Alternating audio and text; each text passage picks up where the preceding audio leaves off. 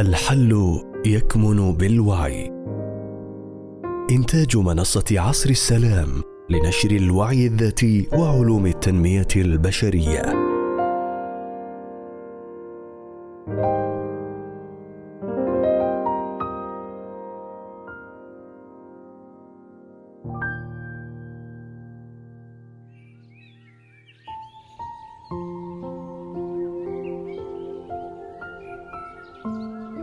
تفكيك الإيجو البحث عن الشعور بالأمان.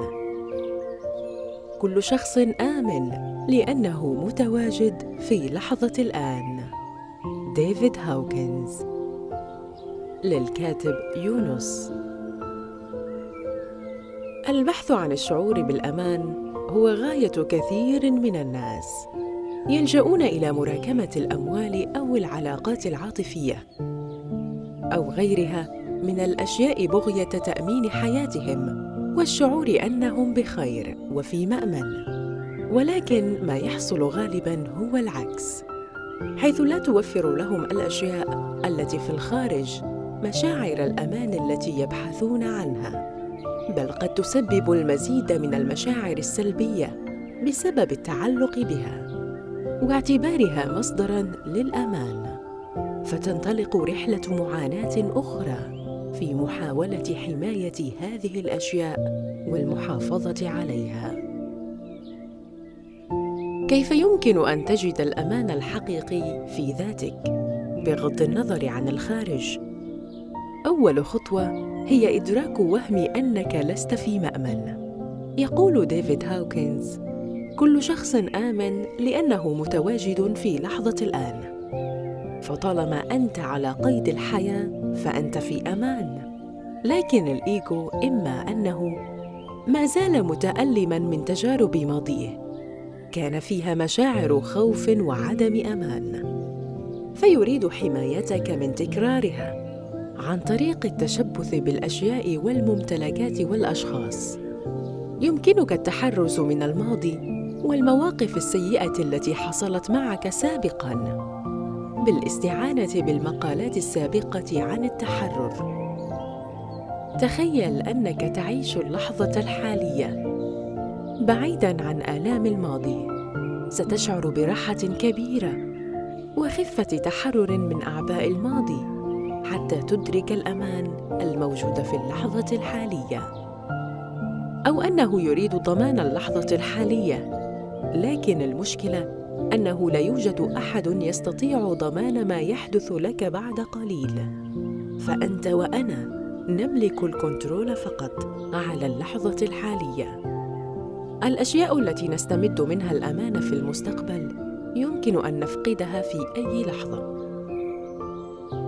كيف يمكن أن نوفر الشعور الحقيقي بالأمان؟ اولا أن تكون متصلا بذاتك على الدوام. روحك أبدية خالدة. فما هذه الحياة إلا تجربة مؤقتة. إذا تدربت على الاتصال بروحك فستخف حدة جدية الحياة بالنسبة لك والشعور بالخطر والتهديد إذ تدرك أنه حتى بنهاية هذه الحياة فأنت لن تفنى بل ستبقى موجودا. ذاتك الحقيقية دائما في مأمن. ولا يمكن أن تختفي أو تنتهي.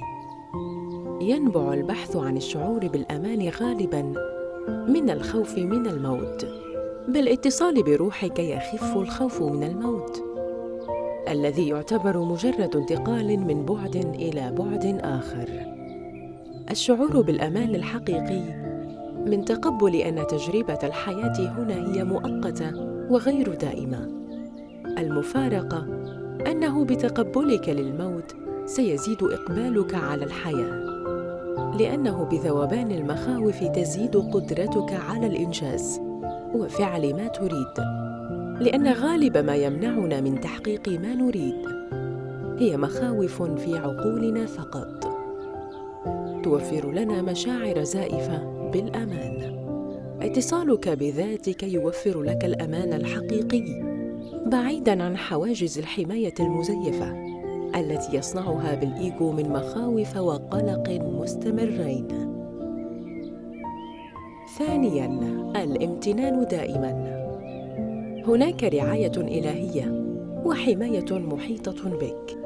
فما أنك على قيد الحياة وتقرأ هذا المقال الآن فأنت في نعمة كبيرة من أكل وشرب وتنفس ووسائل اتصال وصحة. ومعلومات وعلاقات. لكن الإيجو دائما يركز على الشيء الناقص أو على المشكلة الحالية ويتناسى كمية اللطف والرعاية المحيطة به. منذ أن ولدت إلى الآن. انقل انتباهك من أوجه النقص في حياتك إلى الأشياء التي توفرت لك من نعم كثيرة وستشعر بالأمان. قو ثقتك بالله. وافهم القوانين الكونية أو السنن التي تعمل بها. ثالثا أوجد غايات ودوافع صحيحة. تعامل مع الأشياء التي في الخارج والتي تسبب لك شعور عدم الأمان. لكن ليس من دافع الخوف والقلق بل من دوافع وغايات حقيقية. عوض تنويع مصادر دخلك مثلا. لتأمين مستقبلك أو خوفا مما سيحدث. اسعى لنفس الشيء ولكن في غايات حقيقية والتي تعطيك مشاعر مرتفعة كما فصلنا في أول جزء من السلسلة. عوض الهرب من بيئتك الغير آمنة مثلا.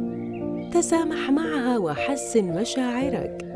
ثم ضع نية بدافع حقيقي وغاية واضحة. لو تبحث عن علاقة من أجل الأمان حرر المشاعر السلبية أولاً ثم انوي العلاقة من غاية صحيحة.